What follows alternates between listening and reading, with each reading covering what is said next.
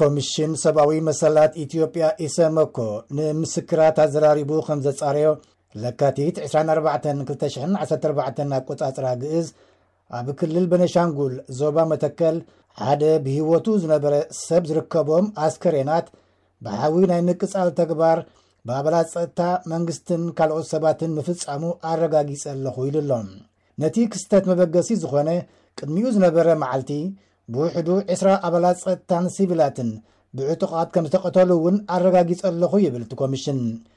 ነቶም ዝድለዩ ዝነበሩ ቀተልቲ'ዮም ዝተባህሉ ዕጡቓት ኣብ ምሓዝ ኣብ ዝተገብረ ፍተሻ ኣብ ቀረባ ካብ ቤት ማእሰርቲ ዞባ መተከል ተፈቲሖም ናብ መንበሪኦም ዝተመልሱ ነበርቲ ከባቢ ዝኾኑ ሸሞንተ ተወለድቲ ትግራይ ንስኻትኩም ኢኹም ሓበሬታ ብምሃብ እቲ መጥቃዕቲ ንኽፍፀም ዝገበርኩም ኢሎም ካብ ዝተሳፈርዋ መኪና ከም ዘውረድዎምን ምስ ፈተሽዎም ድማ ሓንቲ ወታደራዊ መራኸቢ ሬድዮ ዝተፈላለዩ ስእልታትን ልዕሊ ኣርባዓ ሽሕ ብር ገንዘብን ከም ዝተረኸበሎም ድሕሪኡ ድማ እቶም ኣባላት ፀጥታ ነቶም ተጠርጠርቲ እናሃረሙ ተወሳኺ ሓበሬታ ክሓቱ ጀሚሮም ይብል ኢሰመኮ። ድሕሪ'ዚ ካብ መንጎ'ቶም ተጠርጠርቲ ሓደ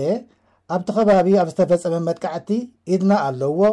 ኣብ ባንዛ ከምኡ ኣብ ግልገል በለስ ዝተባህሉ ከባብታት'ውን ናትና ሰባት ኣለዉ ምባሉ ስዒቡ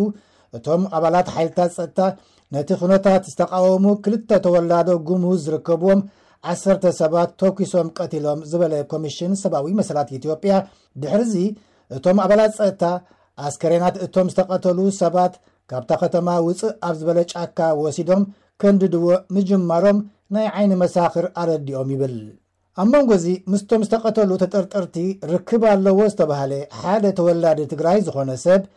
ኣብታ ዝተሳፈረላ መኪና ተሓቢኡ ከምዘሎ ብሓበሬታ ምስ ረኸብዎ ብገመድ ኣሲሮም ናብቶም ዝቃጸሉ ዝነበሩ ኣስከሬናት ከም ዝጸንበርዎን ብሓዊ ተቓጺሉ ከም ዝሞተን እቶም ምስክራት ነቲ ኮሚሽን ገሊጾምሉ ይብል ኢሰመኮ። ኮሚሽነር ኢሰመኮ ዳንኤል በቀለ ኣብ ዝሃቦ መግለጺ፣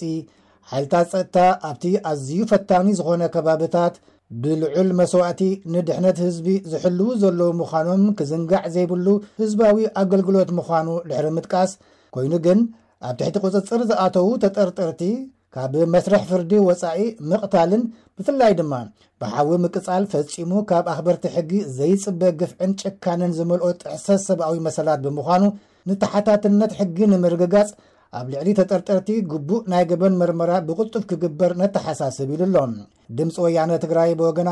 መግለፂ ሓዘን መንግስቲ ትግራይ ብዝብል ኣርእስቲ ኣብ ዘሕለፈቶ ፈነወ ተስፋሕፋሕቲ ክልል ኣምሓራን ልሂቃን ሓይልታት ትምክሕትን